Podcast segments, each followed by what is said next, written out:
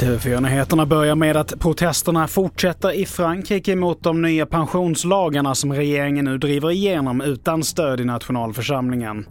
Under torsdagen så demonstrerade tusentals i flera olika städer och över 200 greps bara i Paris, där polisen bland annat satte in vattenkanoner. Ilskan gäller den förslagna höjda pensionsåldern från 62 till 64 år.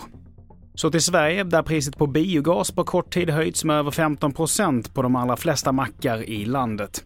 Orsaken är ren byråkrati och biogasen får inte längre vara skattefri. Både bilister och den politiska oppositionen är kritiska till att regeringen inte gjort mer för att kompensera prisökningen. Men så här kommenterar finansminister Elisabeth Svantesson.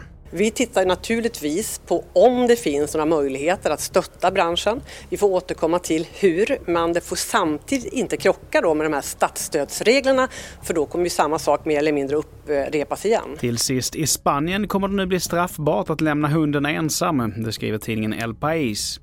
Det är enligt ny djurskyddslag som parlamentet gett grönt ljus för. Enligt den nya lagen kan man straffas om man lämnar hunden mer än ett dygn och det blir obligatoriskt för alla nya hundägare att gå en kurs.